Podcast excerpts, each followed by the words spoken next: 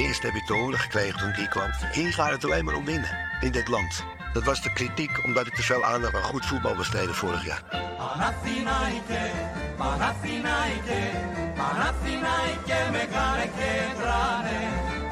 En de meesten hier zeggen dat ze een Panathinaikos hart hebben. Ik merk er weinig van.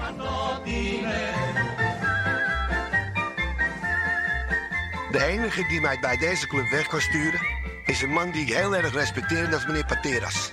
En niet jullie.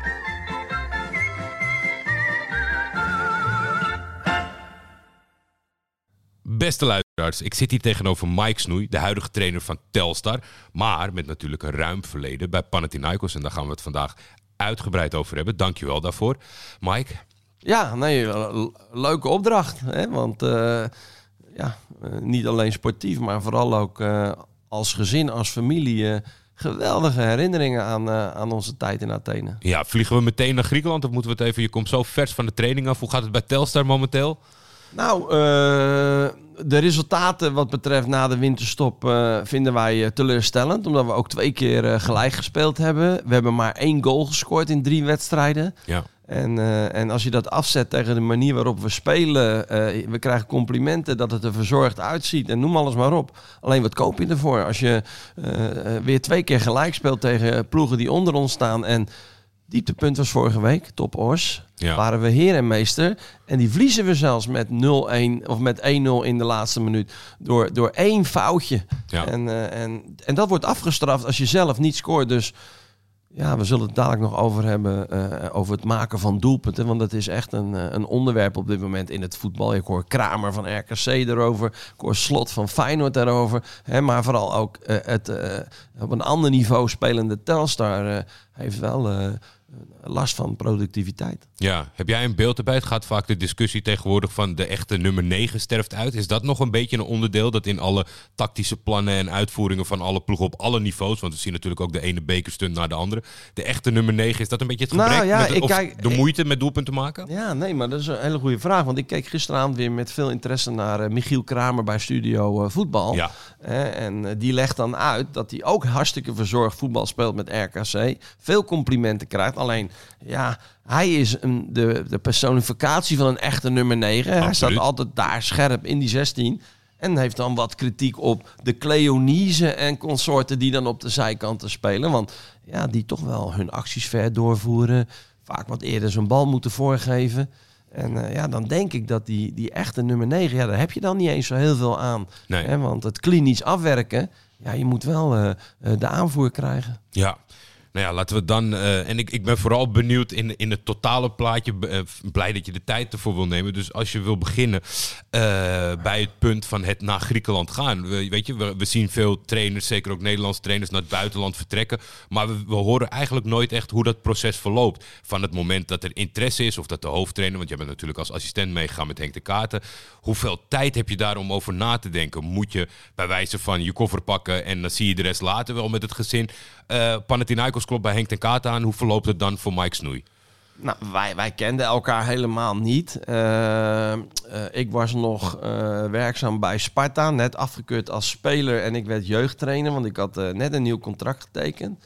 En, en omdat ik een ernstige knieblessure opliep en niet binnen een jaar kon terugkomen, werd ik afgekeurd.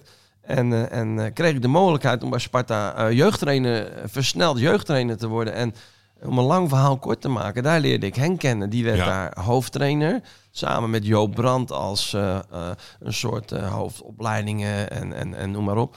En, en zo kwam ik in aanraking met Henk. En ja, wij speelden nog wel eens een voorwedstrijdje met mijn jeugdelftal. Waar toen allemaal later prima spelers inliepen. En zo kwam ik met Henk in aanraking. En uiteindelijk eh, verhuisde Henk naar, naar Vitesse. En was daar heel succesvol in die overgangsperiode van, van Monnikenhuizen naar het Gelderdoom. Ja. Eh, ik kreeg via Joop Brand, Leo Beenhakker, eh, het, de vraag of ik zin had om jeugdtrainer bij Vitesse te worden. Uiteraard ook met een, een, een positief woordje van, van Henk erbij, want wij hadden elkaar al leren kennen bij Sparta. Zijdelings, omdat hij altijd bij onze wedstrijdjes stond te kijken. En zo ben ik met mijn gezin verhuisd naar Arnhem. En kwam ik weer in aanraking eh, eh, met Henk en met die groep mensen waar ik eerder kennis mee gemaakt had. Joop Brandt, toen hoofdopleiding en nu later bij Vitesse in dezelfde rol. Heb, En jij toen, met, eh, heb jij met de fantastische lichting gewerkt van Vitesse? Met Ja. Theo Janssens? En, nou ja, sterker nog, Karel Albers, hè, dat wordt nog wel eens vergeten. Die heeft er toen met Jan Strooijer voor gekozen om een dagopleiding op te gaan zetten.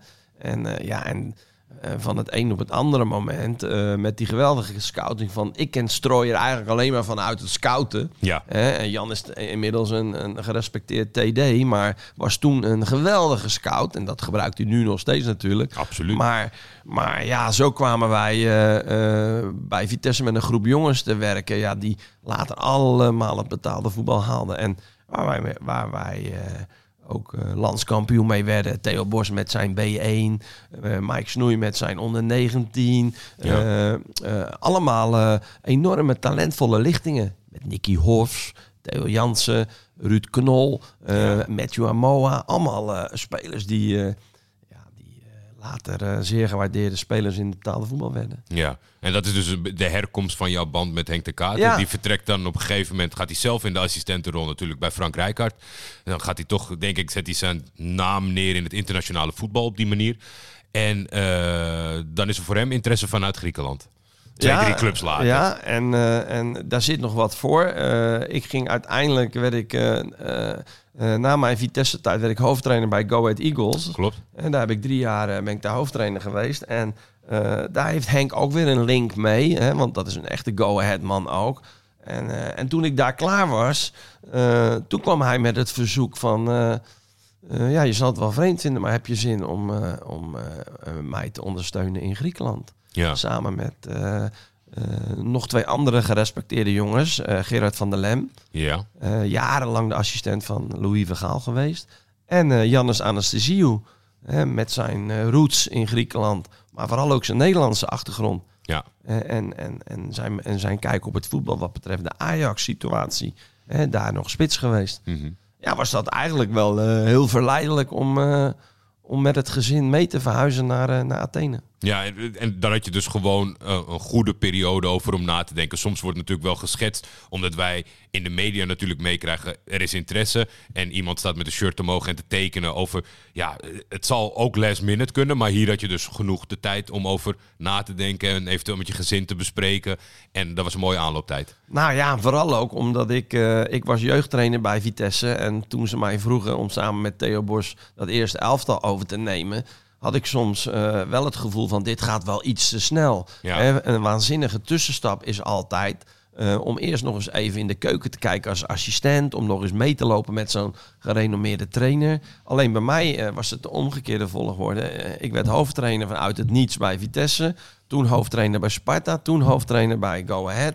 Ja, toen heb ik eigenlijk iets gemist in die tussentijd. En dat was in een wat andere rol als assistent. En nou ja, eh, vaak doe je dat dan achteraf niet meer, want je bent hoofdtrainer geweest. Maar om nog eens bij zo'n eh, ervaren trainer als Ten Katen mee te lopen, ja, dat, dat was wel zeer verleidelijk. Ja, en nu met, met terugwerkende kracht. Want ik, ik neem aan dat je dat nu zegt, omdat je het ook echt zo vindt. Dat het goed is voor een trainer om eerst eens Ja. ah, bij, bij een ervaren assistent of bij een ervaren hoofdtrainer daar met mee te lopen, zeg maar. En, en wa- wat zijn die dingen voor jou achteraf dat je zegt van, nou, als ik het andersom had kunnen doen, had het nog beter geweest voor mijn carrière, denk ik. Nou ja, ik ben nu 60 geworden. Ja. En, eh, en, en dat klinkt enorm oud al, vind ik. Maar eh, daardoor word je wat meer ervaren. Maar weet je ook veel beter met je staf om te gaan. Hè? Ik heb eh, bijvoorbeeld twee trainers uit de tweede divisie. Ul, eh, Ulrich Landvreugd. Ja. jarenlang bij AFC, kampioen geworden, noem maar op.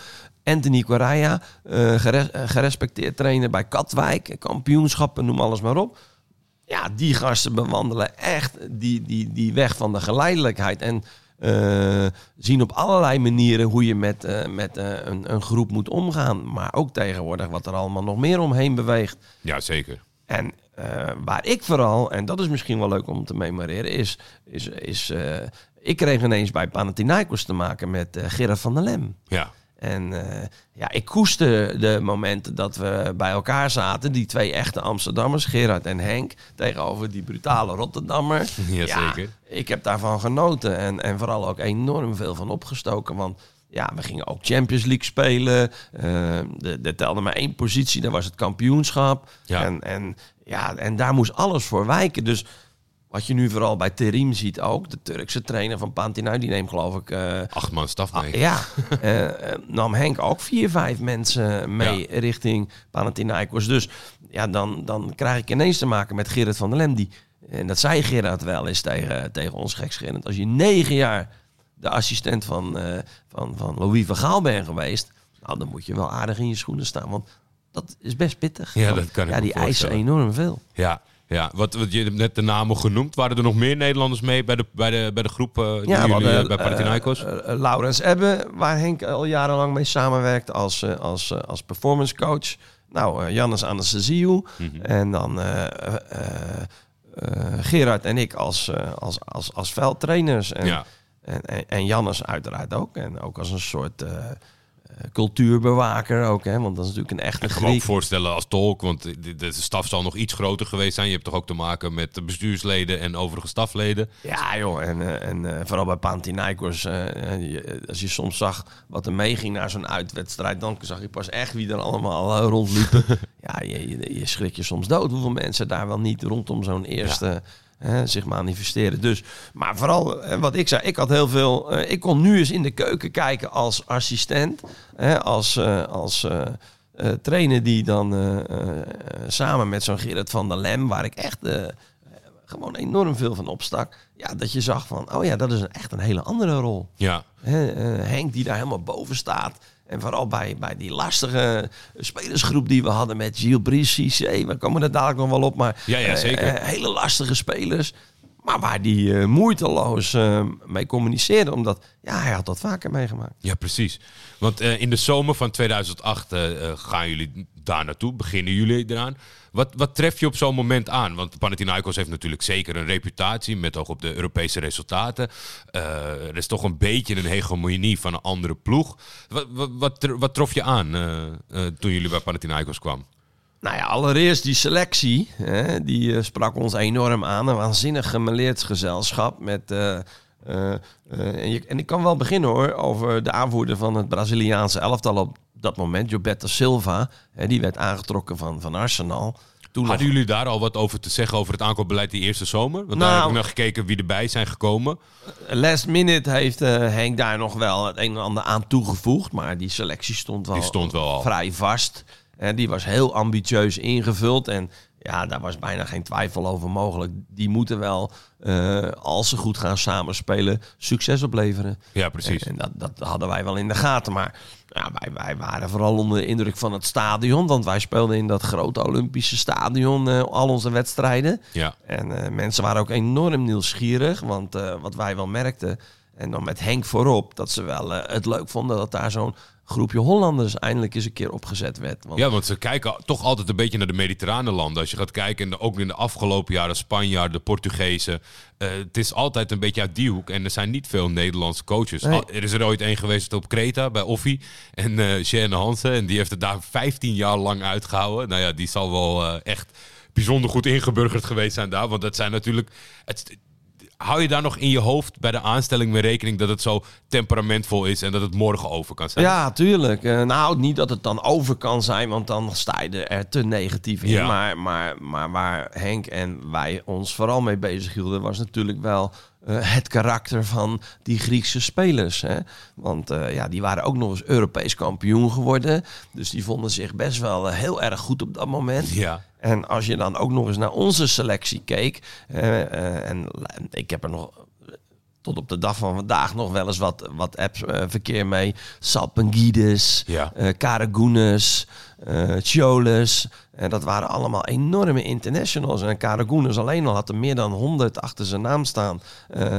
interlands. Ja. dat vond ik echt ook prachtige gasten. Maar wel een heel apart karakter, deze Griekse jongens. Want ze maken zich niet zo heel druk Nee. totdat de wedstrijd begint.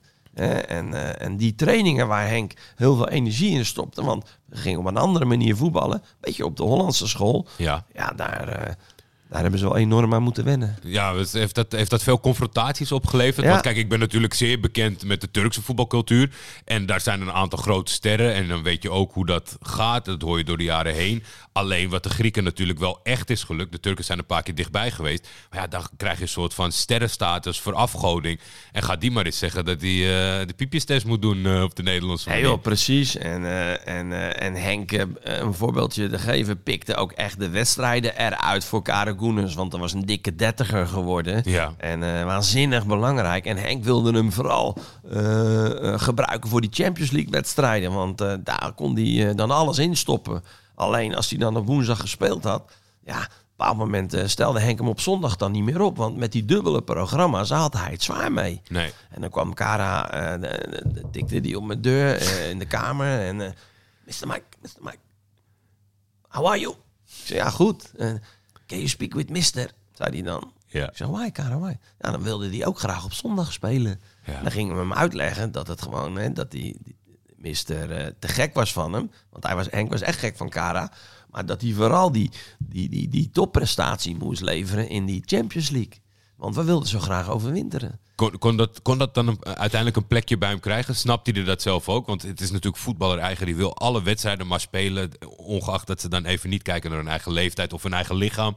En dit is natuurlijk de manier om zo'n jongen te gebruiken. Ja. Maar kregen jullie dat erin uiteindelijk? Nou bij, de, bij de grote jongens? Wel, omdat Kara zag dat we er succes mee hadden. Want eh Olympiakos was de, de gedoodverfde favoriet voor alles. Voor Ja. Champions League, het landskampioenschap. Ze wonnen jaar in jaar uit. En die Prasini, die groene, ja, die zaten er aan te komen. En zeker met deze Nederlandse coach... eh, moest die laatste stap gezet worden. En die was best pittig. Alleen daar moest alles voor wijken. En eh, ja, dat zag je aan de spelers die werden gehaald. Eh, je zag het aan... eh, eh, wij speelden dus in dat grote stadion waar er 70.000 in kunnen. Ja, die zat gewoon vol. Zowel Ja. bij competitie als bij, eh, uiteraard bij de Champions League wedstrijden. Dus ja, dat geeft een, gaf een enorme boost aan, eh, aan eh, de beleving in Athene. Ja. En eh, ik moet eerlijk zeggen, eh, dat die populariteit van, eh, van Henk, die nam enorm toe. Omdat we ook gewoon, en daar hadden we ook echt de spelers voor, heel aantrekkelijk voetbal speelden. We hadden een linksbuiten uit Argentinië, Leto. Ja. Ja. dat was een sensatie. We hadden, later kregen we Jibril Cissé erbij, spits van Manchester City. Ja. Ja, die schoot alle ballen binnen. Ja. Maar vooral ons middenveld, eh, met een jongen uit Mozambique, maar met vooral Gilberto Silva, een Oostenrijkse international. Ja. Ja. ja. dat waren toppers. Ja. Achterin allemaal Grieken. Nou, die hoef je niet te leren verdedigen. dus eh, met Jolis, met, met allemaal eh, gasten, ja, dat ik dacht van, eh, jeetje Ja. mina. Maar, maar de doelstelling voor jullie was even goed, ondanks zeg maar eigenlijk dat Olympiakos een ander level is, toch kampioen, kampioen worden. Ja. Dat was wel de doelstelling die jullie meekregen. Ja, dus eh, hun van die troon afstoten. Ja. En dat was de bedoeling. En, eh, en vooral ook, en dat merkte ik na de laatste poolwedstrijd in, eh, in de Champions League.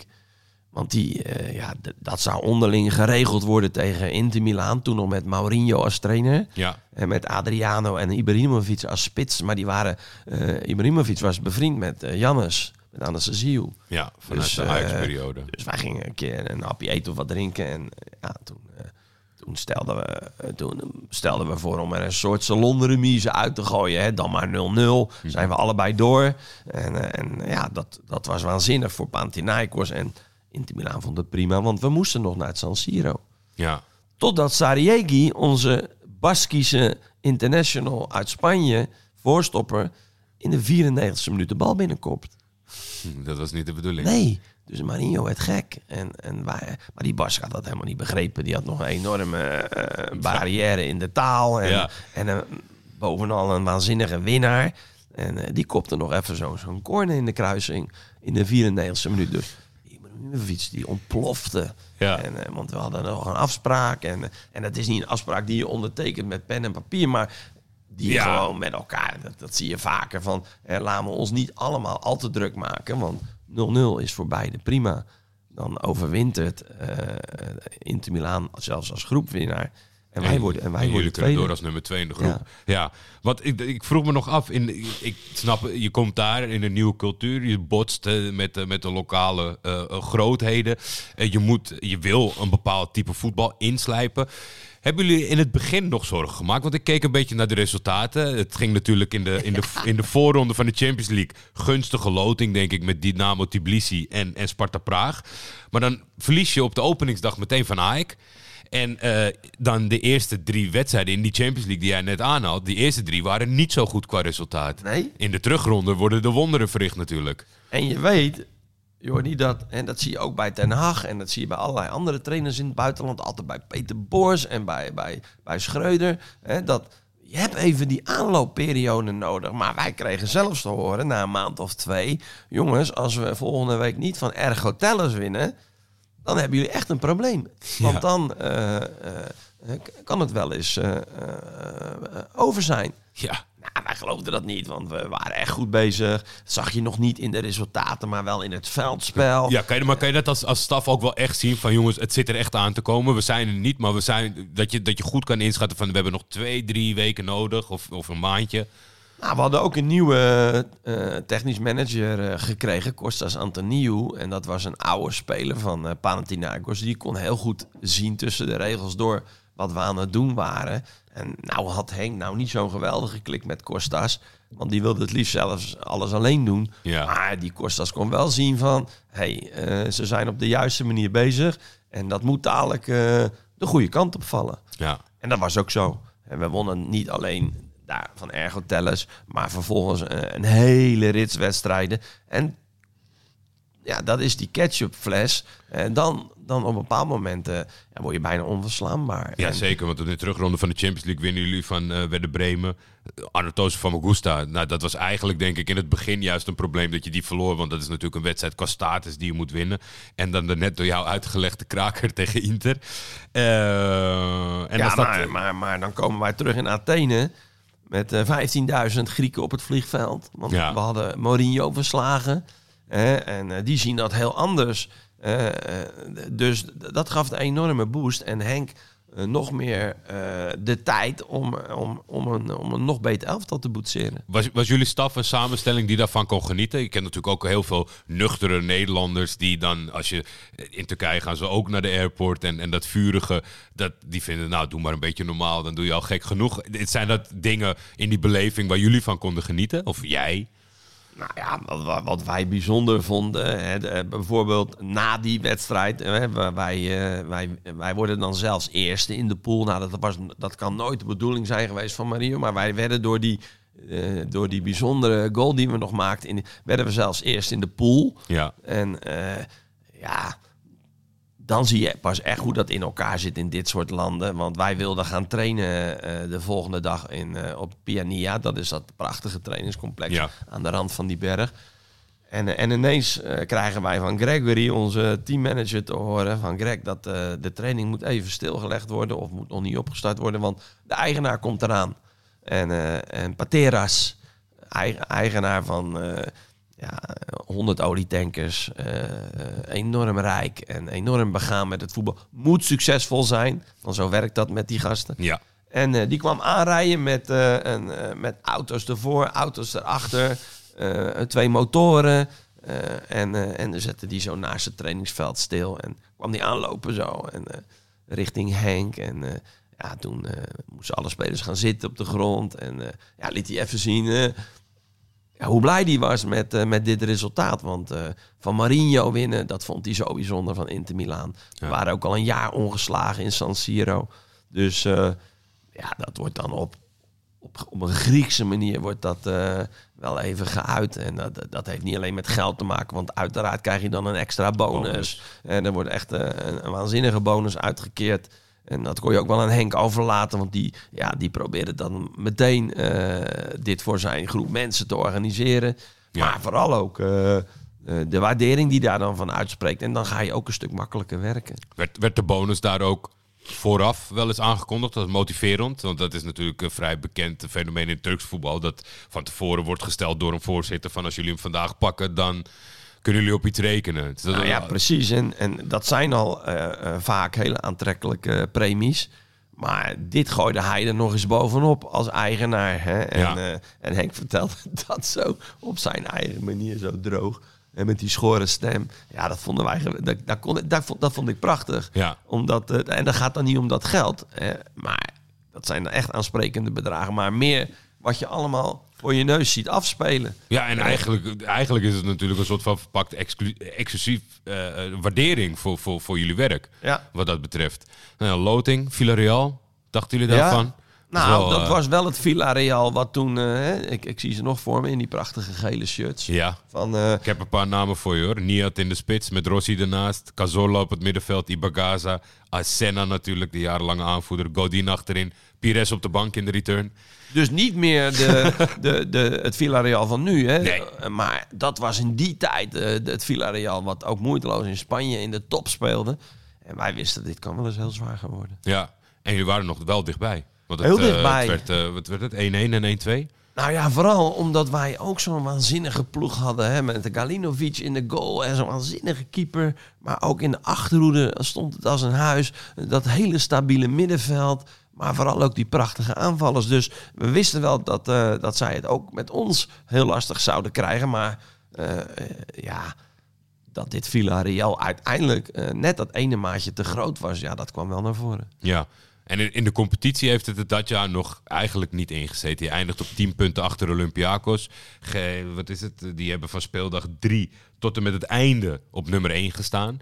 Maar ik denk dat het eh, in het debuutjaar het Europese voetbal veel compenseerde, denk ik, voor de eindrangschikking. Nou ja, omdat ik. En toen kwam ik pas echt in aanraking met het Griekse voetbal. Eh, Olympiakos eigenlijk op allerlei manieren de touwtjes in handen had. Richting de scheidsrechters, richting de media, richting allerlei eh, dingen die ze konden beïnvloeden. En, eh, en dat is niet omdat wij een slechte verliezer waren. Want later eh, werd Panathinaikos daar ook steeds ja, hoe zal ik dat noemen? Kregen ook steeds meer grip op allerlei zaken waarvan wij zeggen in Nederland, dat kan toch helemaal niet. En dan weet jij wel wat ik bedoel. Ja, zeker. Scheidsrechters die enorm beïnvloed. En vooral de eigenaar van Olympiakos, eh, die hadden allemaal heel veel invloed op, Ja. eh, op, op beslissingen die werden genomen. En dan kunnen we spreken, denk ik, uiteindelijk met, eh, met die mooie eh, wedstrijden tegen Villarreal. Derde plek, jammer. In de laatste weken volgens mij zijn er nog één of twee teleurstellende resultaten. Over het toch wel redelijk tot goed eerste seizoen. Met, Ja. eh, met, met eh, eh, goed voetbal wat erin geslepen is. Dan gaan jullie van start aan het, aan het tweede seizoen. En dat ja, gaat eigenlijk perfect. Op, nou ja, op, op een hele zware loting in de voorronde van Champions League na. Want na de eerste ronde kwamen jullie weer Sparta Praag tegen Atletico Madrid. Ook geen kleine jongens op dat moment. Die zijn nog steeds nog wel van formaat. Maar als je dan kijkt naar de voorhoede en de spelers die Met daarin Aguero zitten. bedoel je? Ja, ja. ja. En eh, Johnny Heitinga. En, eh, Ja, dus, eh, Heitinga stond in de basis inderdaad. Dus, dus, nou ja, wat we ons daar vooral van herinneren is wat jammer dat je die al zo snel krijgt. Hè? Mhm. Want dat was wel het Atletico met, nou, niet alleen met Kun Aguero, maar met, met heel veel goede spelers. ja, ja, zeker. En ja, die, die, die gewoon gepokt en gemazeld zijn in het spelen van Europese wedstrijden. Ja. En dus alleen, we waren nu wel goed gestart in de competitie. Je zag echt dat we, dat we aan het doorbouwen bouwen waren op dat, op dat eerste seizoen. We waren echt van plan om eh, die laatste stap te maken naar, naar Olympiakos toe, naar de, naar de rode. Dus, dus iedereen had daar ook veel vertrouwen in. Vanaf speelronde 1 tot en met eh 11 of 12 staan jullie dan ook aan kop. In de Europa League gaat het redelijk, behalve dat jullie mijn Galatasaray tegenkomen. En dat was, eh, en dat was denk ik, ja, ik, ik was nog wel benieuwd. Want eigenlijk, de wedstrijd begon me langzaam te dagen. Ook omdat na de... na de eh, overwintering komen zij ook Atletico tegen. Dus daardoor zag ik die selecties. Dacht ik van, oh ja. En die kwamen zij ook overigens niet voorbij. Maar dat was ook nog eens de confrontatie. Henk ten Katen, Frank Rijkaard. Was dat nog iets vanuit eh, sentiment? Wat, eh, tergt dat Henk om heel erg een resultaat neer te zetten? Of vindt hij het gewoon een mooi weerzien? Hoe, hoe zijn die Ja, verhoudingen? vooral dat laatste. Dit zijn jongens vanuit Amsterdam die elkaar lief en leed hebben gedeeld onder hoogspanning bij Barcelona. Eh, dus dus, dus eh, ja, dat zijn gewoon. eh, eh, dat, dat maakt het alleen maar extra leuk. Jawel. En, eh, dat zag ik ook met Gerard van der Lem en Marinho, want die hadden elkaar leren kennen bij Barcelona. Barcelona. Ja, dat daar kun je als jonge trainer alleen maar van genieten en, en, en heel veel van opsteken. En hoe je met dat soort spanningsvelden moet omgaan. Alleen in die tussentijd moet Frank winnen met Galatasaray. wij moeten presteren met Panathinaikos. Dus ja, dat kunnen dit soort gasten dan wel opzij zetten hoor. Ja, en het is niet dat hij een week lang niet praat omdat ze 1-3 verliezen uiteindelijk. Nee, tuurlijk niet. Want eh, eh, de competitie wacht. eh, Ja. Andere dingen gaan door. Alleen, eh, het geeft heel veel spanning, heel veel druk. Dat wel. Ja. En dan denk ik voordat we een beetje richting het einde van jullie dienstverband. Want daar komen een aantal dingen samen. In de intro van deze podcast, daar zitten een aantal persconferentiemomenten in. Waarin volgens mij Anastasiou de vertaler is eh, naar de media. Eh, een, een kijker, die, of een kijker, eh, zo gewend aan de tv, een luisteraar, die vroeg zich af. Een heel rijtje. Maar ik denk dat dat allemaal wel samenvat. Ik wilde hem niet eerder stellen, want dan ging het te veel door elkaar omdat eh, in, een persconferentie geeft aan dat eh, Henk de Kater dat hij zoveel respect heeft voor meneer Pateras en dat het de enige man is die hem weg kan sturen en niet de media. Dus de luisteraar die vraagt zich af, wie is nou eigenlijk die meneer Pateras? We hebben net gehoord, de voorzitter, Oli, heel rijk. Ehm, zijn functie op dat moment was het voorzitter zijn. Eh, waaruit kwam dat respect vanuit jullie voor hem? Is hij uiteindelijk degene geworden die Henk de Katen en zijn staf de laan heeft uitgestuurd? En is dat respect achteraf na die beslissing eventueel gebleven? Ik weet nog goed dat Henk eh, moest naar kantoor komen in december. En eh, die was ervan overtuigd dat hij zijn contract ging verlengen met een aantal jaren zelfs. Want dat was doorgecijpeld en dat was ook wel een beetje het plan. Alleen, eh, ik had daar niet zo'n heel goed gevoel over. Want wat ik vooral merkte eh, eh, in het stadion is dat eh, die Nederlandse trainers, maar eigenlijk vooral Henk, was enorm populair bij de achterban. De supporters konden enorm waarderen wat hij aan het doen was. En zijn naam werd ook altijd gescandeerd. Er werden allerlei liedjes waren erop verzonnen. En toen zei ik wel eens tegen Henk, misschien moet je nog eens wat vaker de voorzitter noemen. Eh, memoreren dat we dit allemaal aan het doen zijn, vooral door die voorzitter. Want Even een slim mediafoefje om de ja. waardering in ieder geval ook naar buiten kenbaar te maken, zodat hij ook weer aan zijn status eh, komt. Nou ja, vooral ook, want wat ik me kan herinneren als de dag van gisteren is dat eh, toen Henk mij belde, ik zat in de auto en hij zei, maar ik, we blijven nog een poosje langer hoor in Griekenland. Ik ga mijn contract verlengen. En dat ziet er goed uit. Ik zei, nou top man. Ik zeg, we vinden het leuk hier. De families vonden het leuk. Ja, toen, eh, toen belde Henk mij later op, nog voordat de training de volgende dag begon. Hij zegt, maar je, zit je goed op je stoel? Hij zegt, eh, ik heb zelfs te horen gekregen net dat ik weg moet. En... eh, eh, vooral de, de, de, de reden die werd opgegeven was zijn eh, verstandhouding met, eh met Kostas, de, Met de technisch. technisch manager. En die was ook niet eh, bijzonder, maar ik vond die Kostas ook een vreemde vogel, eh, die, eh, die Antoniou. Dat was een oud speler die vooral eh, nog wat andere eh, denkwijzes erop nahield. En het was juist zo verfrissend hoe Henk erin stond met zijn, eh, met zijn ideeën over voetbal. Ja. Maar dat was niet de ware reden. De ware reden waarom uiteindelijk van Henk afscheid is genomen en in zijn kielzog al die trainers, zijn staf, is gewoon dat hij populairder was dan de eigenaar. Ja. Henk was vanaf, niet vanaf dag één, maar na een bepaalde periode, eh, ging het in Athene vooral over eh Ten Kate als trainer. En eh, wat hij voor elkaar had gekregen, de manier van voetballen. Hoe hij vooral dat hele, hele lastige groepje spelers, die Griekse internationals, met al die toppers uit, uit Europa en Zuid-Amerika. eh, Dat jullie Ja, er goed dat hij dat goed managen. Ja. En, en dat het voetbal vooral, en zeker aan het begin van die tweede seizoen, ja, zeker. was gewoon hartstikke leuk om naar te kijken. En wat enorm meespeelde is dat die Griekse jongens, de Salpingides, Karagounis, ja, die stonden ook als een blok achter Henk. En daar had, eh, bleek achteraf, dat wisten wij toen ook niet, daar had de eigenaar wel wat moeite mee. Ja. En, en Jordi, en anders heb ik het verkeerd begrepen, maar eh, zo is dat mij toen wel ter oren gekomen, dat dat vooral ook eh, stak. Dat, dat ego is natuurlijk fascinerend. En daar kom je eigenlijk niet uit als je er zelf niet zo in staat. Want we beginnen natuurlijk helemaal aan het begin van dit gesprek over wat die mans ambitie was. Hij wilde miljoenen inleggen, want hij wil presteren. Hij wil Olympiakos eh, eigenlijk eh, bijhouden, zo liever na, eh, voorbijstreven.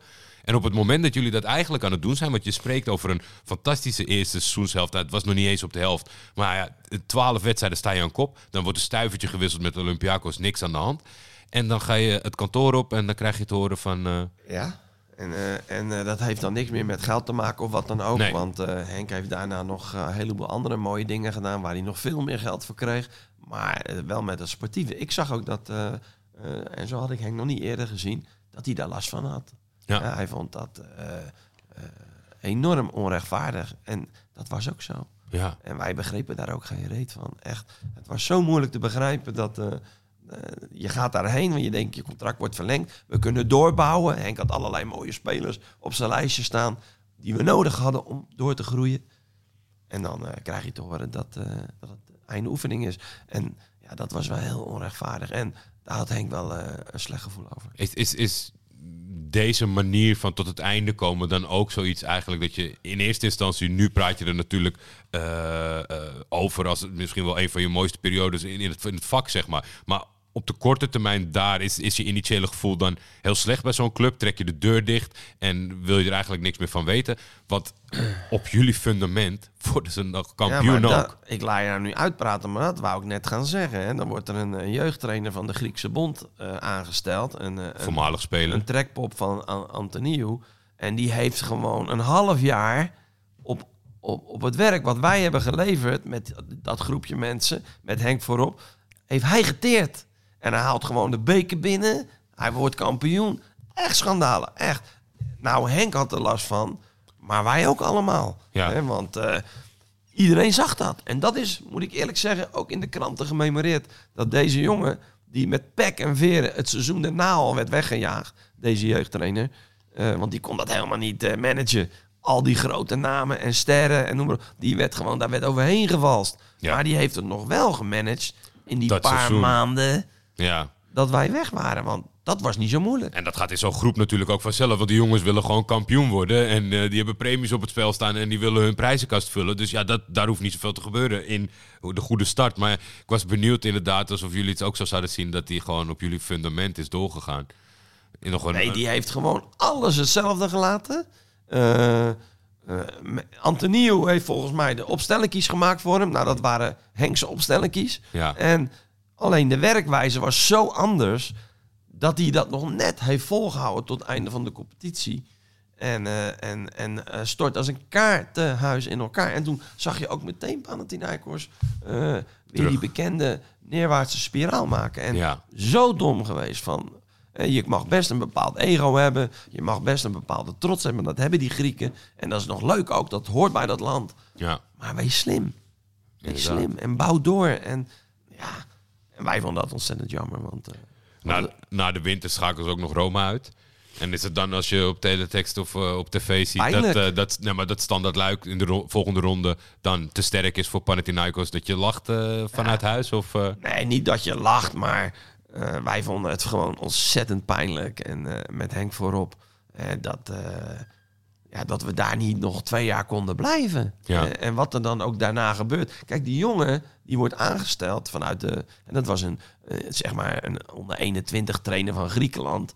Die kan er niks aan doen. Die Nee. is gewoon gevraagd. Die is daar neergezet. neergezet? Maar het enorme ego van Antoniou, het, het waanzinnige zakelijke vermogen van Pateras, wat ineens plaats maakt voor veel te veel eh, van, oh jee, als ik nog maar de belangrijkste ben. En ja, dat heeft mij wel verbaasd, want dat zijn wel geweldige zakenmensen, Ja. maar ze kunnen dat vaak niet vertalen naar het voetbal. Nee, inderdaad. Is daarmee ook een beetje, en dat, geldt natuurlijk, de vraagstelling is een beetje voor Henk ten Kaat. En dat zullen we ook proberen te stellen. Maar is, is dat respect vooraf of tijdens de periode dat veel is uitgesproken, is dat dan hiermee een beetje afgebrokkeld ook toen jullie eindigden? Op, en de manier waarop jullie eindigden? Ik kan me goed voorstellen dat dat zo is. Eh, niet voor de, de, de, de- het land. Nee, Niet- nee, nee, niet- maar voor de voorzitter. Ja, nou, Pateras, die, eh, daar, daar waren wij dan wel een beetje klaar mee. Hè? Ja. Want dat is gewoon de man die alles bepaalt. Als hij zegt, oh ja, eh, Antonio, jij hebt een probleem met de trainer. Wegwezen. Ik ga met deze trainer verder. Ik, voor jou tien andere TD's. Ja. Dat had ook een beslissing kunnen zijn. En die had ik genomen. Hè, als hij, maar dat was niet de hoofdzaak. Wat ik gewoon begrepen heb, is dat eh Pateras het gewoon lastig vond. Eh, hij had notabene die club eh, onder zijn hoede genomen. Nederlandse trainer aangesteld. Maar ik wil wel graag dat populaire uithangbord blijven. Be- ben jij bekend met, had hij dan ook zeg maar een soort van hand in de media? Want als je in die periode zoekt, en natuurlijk is het, is conflictmodel altijd wat scoort. Dus dat is wat jaren later nog op, op YouTube te vinden is. Maar bijvoorbeeld de boze persconferentie van Henk de Katen. Een keer een confrontatie met de journalist op de airport. Eh, De supporters waren tevreden. Of blij zelfs. De resultaten waren goed. Maar waar kwamen die mediageluiden dan vandaan? Waarom, waarom zien we op internet nog steeds die beelden? Als je een stok zoekt hè, om mee te slaan, dan ga je proberen een foto te maken terwijl Henk met een sigaret in zijn mond staat. Want ik kan me dat nog, ik kan me niks meer herinneren van allerlei dingen. Maar ik weet nog precies hoe het in, in Griekenland ging. Want er stond Henk een sigaretje te roken, netjes buiten de airport. Alleen Henk wilde niet met een sigaret op de foto. Hij wilde Ja. een, een, een juist voorbeeld zijn. En dan stonden ze foto's te maken. En dan zei hij, kom op jongens, laat me even mijn sigaret. En dat vonden hun dan al een, eh, een aanval. Zomaar een voorbeeld. Weet je, en Het is ook lekker hypocriet van de, van de landen waar stevig gerookt wordt om iemand die een sigaret staat te roken maar- te fotograferen. maar ik vind, je moet een klein beetje respecteren wat zo'n trainer vindt. Ja. Kijk, de trainer van Napoli, die altijd aan het roken was, eh, dat, die interesseert geen reet. Maar. Henk wel, die wilde gewoon graag op een andere manier. Als je een foto wil maken, wilde hij graag op een andere manier op zo'n fotootje staan. Dus moet je respecteren. Ja. En dus Ze werd een beetje gezocht. ja, alleen maar. Ja. Want Henk zocht helemaal geen ruzie. En eh, Henk was juist met heel veel mensen van de media eh, eh, goed. Omdat hij altijd de tijd nam. Nou, jij weet, Griekse trainers of Turkse trainers die twee woordjes. En dan... Henk had altijd de tijd. Hij ging zijn, zijn tactische verhaal ging hij altijd uitleggen. En alleen... Ja, ik weet wel dat ook binnen in de boezem van de club hadden ze bij allerlei kranten ook hun lijntjes lopen. Exact. Eh, en eh, eh, die moet je wel eens gebruiken om een punt te maken richting Henk of richting wie dan ook. Ja. Nou ja, jullie hebben natuurlijk met grote namen gewerkt. En dan in de afrondende fase denk ik, Michael, het zal niet meer van je tijd hiervan innemen. Maar eh, je, je liet al Cissé vallen. Wat, wat zijn er nog? Ik vind het luisteren natuurlijk altijd, dat zijn leuke dingen om te horen. Gekte van sterren, want jullie haalden natuurlijk wel een bepaald kaliber speler. Ik, maar het is ook soms een beeldvorming, want ik, ik kan me bijvoorbeeld gezien de speler, maar dat is helemaal niet eerlijk, op het veld, Gilberto Silva, kan ik geen gekkigheid van bedenken. Dat lijkt mij een hele rustige, dat was natuurlijk een nummer 6. maar I don't know. je- Jordi, waarom werd hij wereldkampioen met Brazilië? Nou, ik zal het je uitleggen. Eh, wij trainen eh, eh, met Henk altijd voetbal. Wij deden niet eh, aan, eh, aan ellenlange loopsessies. Henk trainde voetbal. En als de training dan was afgelopen, Gilberto Silva was in die tijd ook al eh 4, 35. 4,35, jawel. Eh, en, en dan lag hij op de grond en dan vroeg hij aan mij of ik nog een paar ballen wilde gooien. Want dan deed hij nog eh, 500 push-ups en buikspieroefeningen. Maar wij hadden ook het Griekse wonderkind in de selectie. Soteris Nines. Ja, En die scheurde dan al met zijn Lamborghini over dat complex langs het trainingsveld. Nou, veel te hard op het trainingscomplex scheurde die al met die, met die motorboot. Dan zo'n geluid maakte dat ding. naar de uitgang. Ja. En dan was Gilberto Silva, 34, was nog buikspieroefeningen aan het doen. En Jannes Anastasia stond nog met twee Brazilianen en eh Gibril Cissé eh tennis- tennisvoetbal te spelen. ja. En dan zei eh, Gilberto... Mr. Mike, you see, Nines, our big star, zei hij dan. Speelde nooit, was altijd aan het klagen dat hij zo weinig speelde. Maar dat Maar was hij- wel zijn En dan zei mentaliteit. eh, Gilberto Silva, aanvoerder van eh, Brazilië... En daarom wordt het nooit een grote speler. Ja. Want hier, hij scheurt alweer weg. In plaats van dat hij nog even met jou nog wat afwerkvormpjes doet. Of nog een half uurtje langer blijft op het terrein. Want ik vroeg dat vaak genoeg. Soteris, kom aan. Few balls. Play. Shoot. En ja... Laat je dat dan op een gegeven moment als, als, als staf? Denk je dan van, ja, weet je, het, het moet ook uit, uit- op een gegeven moment moet het ook uit die anderen komen. Nou, omdat wij hadden ook Griekse jongens erbij. Eh Mansios was onze tweede of derde spits. Ja, die vond ik geweldig. Echt steengoede speler. Maar die had wel met Gibril Cissé te maken. En wij hadden een, een, een wonderkind op links lopen. Leto, Argentijns international. Ja, hoe die een bal met die linkervoet raakte, weet je wel. Dat was pure kwaliteit. Dus Mansios had het vaak heel moeilijk. Maar die wilde wel altijd nog, na afloop van een training... nog wat voorzetjes, nog een beetje afwerken. Dus de intrinsieke motivatie als die niet in orde is zoals bij Nines, ja, dan, dan wordt het sowieso moeilijk om te slagen. Ja. Maar Gilberto Silva was echt zo'n voorbeeld van een... Op eh, een topprof. ja, waarom die het zo lang bij Arsenal heeft uitgehouden. Waarom die zo lang international is gebleven. En dat hij niet kon uitbuiken bij Panathinaikos. Nee, wij kwamen met hem nog eh, eh, in- in- bij de laatste 32 van, van de Champions League. Ja, precies. En dat was, ja, daar kon ik enorm van genieten. En een beetje supersterren die toch als een, als een schot in Frankrijk, maar dan in Athene leefden. Wat, eh, ik kan me voorstellen dat Cissé bijvoorbeeld, als hij toch weer zijn doelpunt had gemaakt, dat hij daarna eh, zei, eh, Mr. Mike, ik ga naar de club. Of valt dat wel mee? Jibril Cissé, dat was zo grappig. Die had zeg maar 10, 12 auto's. En die kon die in Athene niet kwijt. Nee. Maar wij hadden onze eigen accommodatie. Hè? Dus wij moesten ook bij Panathinaikos voor elke wedstrijd moesten wij één, soms wel twee nachten. Eh, Trainingskamp. ja, Ja, voor elke wedstrijd. altijd moeilijk voor de buitenlandse jongens in dat soort Ja, competities. ja. Je van gezin Maar wij hadden ook allemaal onze eigen parkeerplaatsje zo. Voor het tuintje, bij je deurtje. Ja. eh, heb je één plekje waar je je wagen neer kan zetten. Op het complex. En dan zei die, en dan eh, tikte die op mijn deur. En dan stond eh, die, die CC van... Mr. Mike, can I use your parking spot? Hoezo? Ja, zei die, dan wilde hij die daar zijn auto parkeren. Want dan liet hij al die auto's zetten die dan op het komt. Grote Bentley, grote Range Rover, een Mercedes die ik nog nooit gezien had. En, eh, Je kan er toch maar met één naar de training, zou ik maar zeggen. dan had hij geen ruimte. Nee. En dan liet hij die wagens daar neerzetten. En dan stond er, voor, bij mij stond dan, ik zette dat, die auto wel bij, de, bij, de, bij het personeel neer. Ja. En eh, dan had hij die wagens eh, de, in ieder geval dichtbij. Maar ik zeg, je, je mag wel die wagen daar neerzetten. Maar dan zei ik, ik wil hem ook wel een keertje meenemen dan die Bentley, weet je. No problem, zei hij. Geen probleem. Nee. Ja, maar dat soort jongen. en Maar is, is dat ook zeg maar een beetje de ultieme kwaliteit? Want het gaat er daarvoor over, over, over een Henk ten Katen. Want je kan natuurlijk in deze situatie ook... Kijk, de trainingskamp is voor iedereen. Er zitten ook jongens die wat minder verdienen... of wat minder flamboyant zijn dan Cissé. En die moeten wel tegen die zes vette wagens van hem aankijken. En, en is, is dat dan wat hij goed kan managen? Dit, Ja. dit want je, ja, je, je, je kan... Het liefst zeg je tegen hem niet van... Cissé niet doen.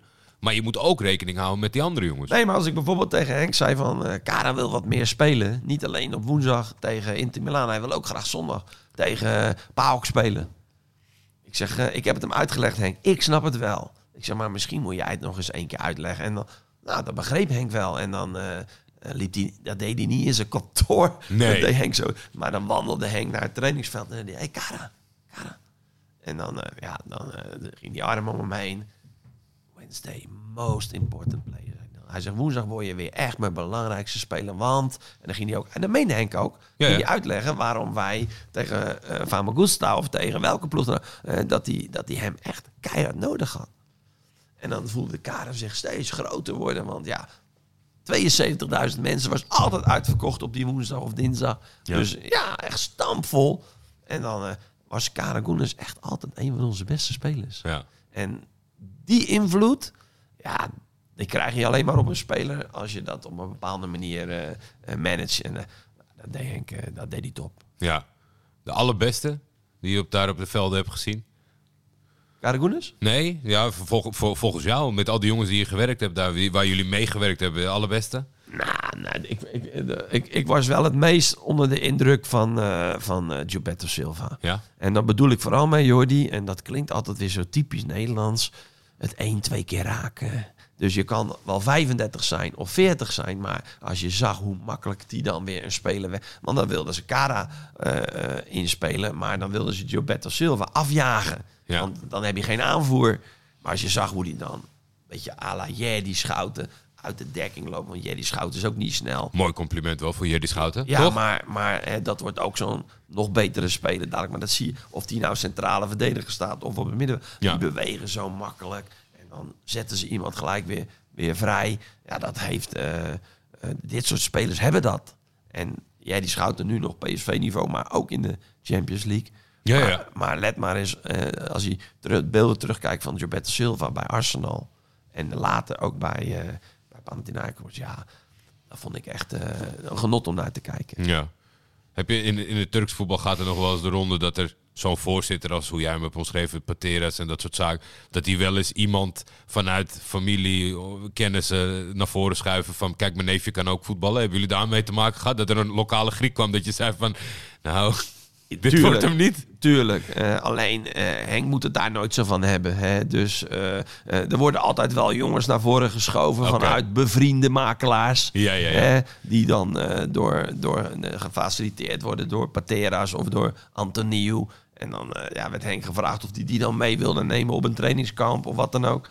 Tuurlijk, dat gebeurt overal. Ja. Alleen, eh, ik denk dat de belangen bij Panathinaikos wel iets te groot waren om eh, te rommelen. Ja. Dus die selectie was wel, eh, ja, die, die- die- dat was echt wel een, een, prachtige groep. Ben je nog wel eens terug geweest? Sterker nog, ik ga er één, twee keer per jaar een week naartoe. Ja? Ja, nu ook weer geweest in december. Een bungalowtje gehuurd met mijn hele familie. Eh, ook weer in de buurt van Athene Ja. eh, op, eh, op 6 juni. Mhm. Dus dat is alles dadelijk. hè. Dus ja, een land waar ik me enorm thuis voel. En waar ik misschien nog wel een keertje ga afsluiten. Nou ja, ik, ik wou net vragen, Mike, want als je het al allemaal hoort en even de, het einde loslaat. Waarom ben je nooit terug geweest eh, als, als nee, eh, omdat, eh, omdat eh, kijk, en de mogelijkheden waren er best op mijn niveau. En dan ga je niet naar eh, eh, eh, die grote clubs. Misschien niet naar de eerste vier, Nee, maar, maar, daaronder. maar bijvoorbeeld William Vloed is even in het noorden van Griekenland geweest. En die mogelijkheden waren er voor mij ook wel. ja. Alleen eh, de discipline in, eh, in betalen, de discipline in eh, contracten nakomen. Dat vond ik nou niet het sterkste eh, wapen van, eh, van de Grieken. Nee. Dus eh, ik wil graag gewoon altijd goede afspraken hebben. En niet zozeer over het betalen naar mij toe, maar nog veel meer naar spelers, jongens die je wil halen, afspraken maken over selectie. Zo is het wel één of twee keer misgelopen. Maar ik sluit niet uit dat het nog een keer gaat gebeuren. Ik ben heel erg benieuwd waar Ja. het terecht komt. En dan, En, en ik weet zeker dat ze thuis een, de Polonaise lopen. Want wij hebben het vooral ook als familie. Moet ik eerlijk zeggen dat eh, goed voor ons gezorgd werd. ja. Wij woonden dan in Vula, net onder Athene. Ja, dat was... eh, eh, het niveau van leven is daar ja, gewoon geweldig. Omdat die Griekse mensen zijn ook enorm spontaan. Of dat nou bij de bakker is of op zo'n, op zo'n terras. Ja, die, die mentaliteit spreekt mij enorm aan ja. warme mensen, emotioneel, maar, maar met het hart op de goede plek. Ja, ik denk dat we een aantal elementen uit dit gesprek niet moeten vertalen. Maar als we dit einde vertalen, dan nemen ze hier zeker aan. Dat, dat weet ik zeker. Eh, maar ik mag je bedanken voor je tijd. Ja. Ik vond het een fantastisch inzicht. En eh, ja, ik ben dit ook maar zomaar begonnen. Omdat ik Fatih Terim een beetje zo in mijn leven lang eh, achteraan loop. Hij heeft nu twee keer, zowel in de beker als in de competitie, verloren. Voor Oppassen, Fatih. Ja, Pauw is zeker gevaarlijk. Nou, je weet hoe het kan lopen als hij wordt naar binnen gehaald. Waarin hij denkt dat hij zijn contract gaat bijtekenen. Kan het zomaar voorbij zijn. Nou, wat ik wel heel bijzonder vond toen wij een paar weken geleden met elkaar afspraken en we kennen elkaar een klein beetje van de ESPN, Ja. dat er sowieso een Turkse trainer Ja, bij de Grieken eh, werkzaam is. Eh, best, en dan ook nog Ja. bij zo'n grote club. Dus ik, ik, ik, ik weet niet of dat het jou bijstaat. Maar kijk, voetbal is natuurlijk een soort van uitvergroot van de sentimenten. En eigenlijk Turkije, Griekenland is een beetje zoals we hier worden opgegroeid met Nederland, Duitsland. Daar zie je het ook natuurlijk enorm afnemen, zie je het hier in de maatschappij. Die sentimenten, kinderen snappen niet waar het vandaan komt. Het is heel lang geleden. gelukkig En- maar. ja, nee, absoluut. En, en de landen, kijk, ik, ik ben een paar, ik ben nu denk ik een keer of vijf of zo in Griekenland geweest. En dan is het een beetje eh, eigenlijk klungelig om vast te stellen. Het is gewoon eigenlijk hetzelfde land. Weet je, en, en er zitten kleine wijzigingen in, maar de, de, de, de warmte, de passie die jij net allemaal opnoemt, alles voor mij is daar hetzelfde. Wat ik daar zit te eten is hetzelfde. Net ze maken er ontzettend lang ruzie over wie het bedacht heeft. Maar dat, dat weten die mensen op den duur komen ze daar ook achter. Ze hebben natuurlijk. eh, eh, eh, het is een beetje een politiek vehikel geweest, heel lang, om dat uit te venten van wij haten elkaar. Het is, het, is haat en nijd. En de laatste jaren zie je ook dat het eigenlijk niet meer lukt. Want op het moment dat in, in Turkije of in Griekenland iemand eh, eh, in de politiek een beetje gewin probeert te halen, het populisme, dan beginnen ze over wie is de eigenaar van de zee, welk eiland is van wie. En dat werkt niet meer bij het volk. En daar ben ik heel blij om te zien. Dus wat dat betreft, ik denk nog, het is, het is zeker wel een stap. Als je kijkt, ze liggen dicht bij elkaar. De competities volgen elkaar een beetje. Dan is Turkije wat beter, dan is Griekenland weer wat beter. En, maar er zijn- zijn heel weinig transfers over en weer. Maar het schijnt nu echt eh, met de leiding van Panathinaikos te maken hebben. Dat zij hebben de basketbalploeg in handen gegeven gegeven van een zeer bekwame Turkse coach. En, en omdat dat eigenlijk direct een goede impact had, eh, denk ik dat ze zijn gaan aankloppen bij ja, toch wel de beste voetbalcoach die we hebben. Ondanks dat hij een klein beetje gedateerd raakt. En ik dat ook alweer een beetje in het spel zie.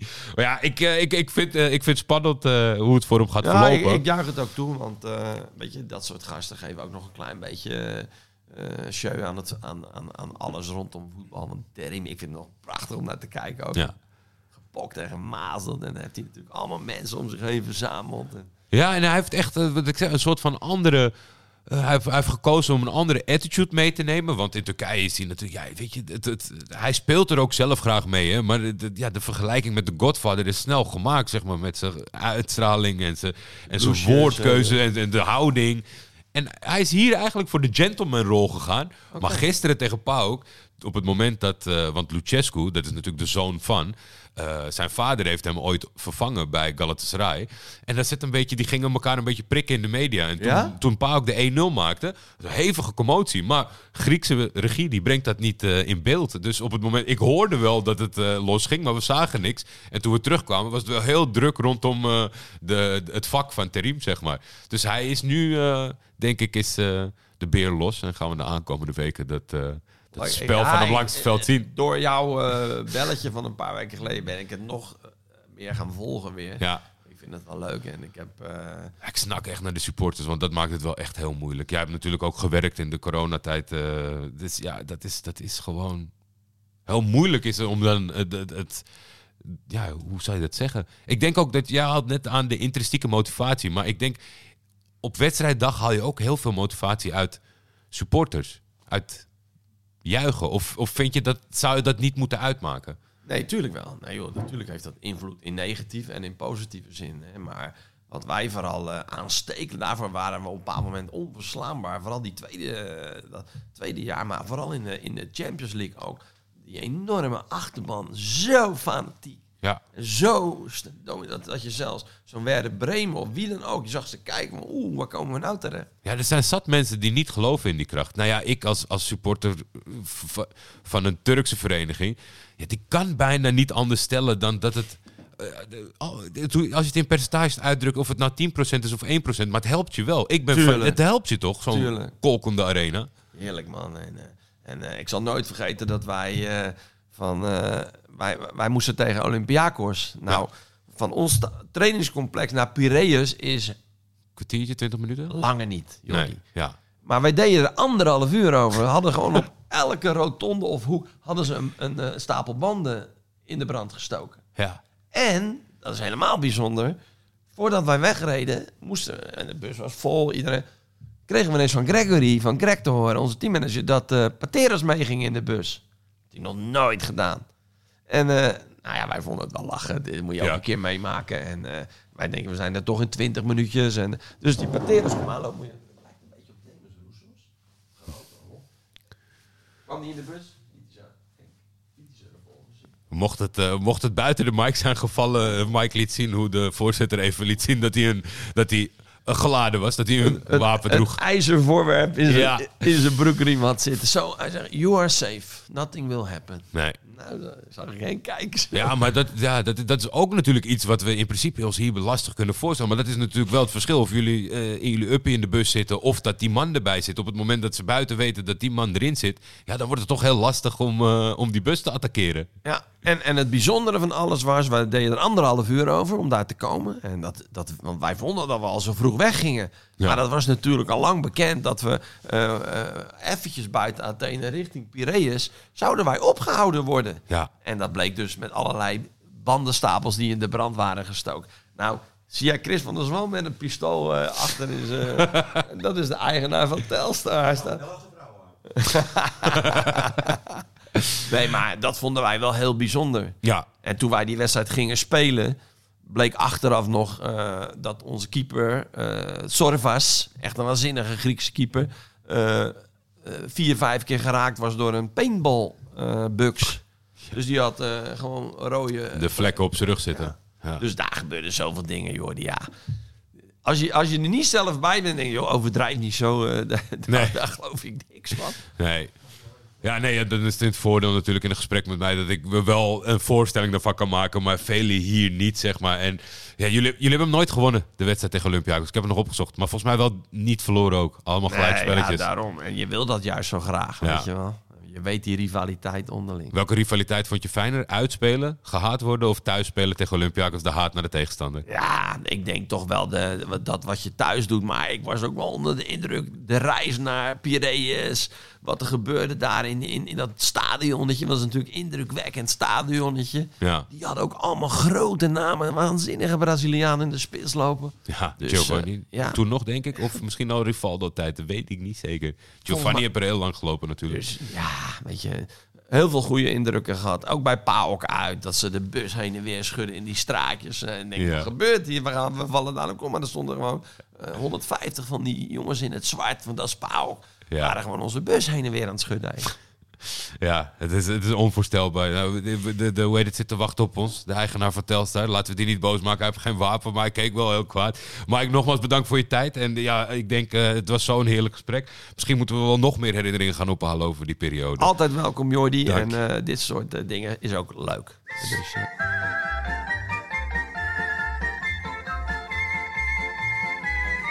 Eerst heb ik te horen gekregen toen ik hier kwam. Hier gaat het alleen maar om winnen in dit land. Dat was de kritiek omdat ik dus te veel aandacht aan goed voetbal besteedde vorig jaar.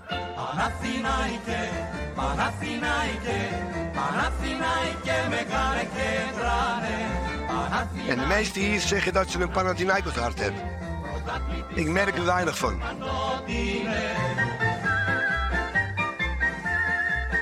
De enige die mij bij deze club weg kan sturen... is een man die ik heel erg respecteer en dat is meneer Pateras. En niet jullie.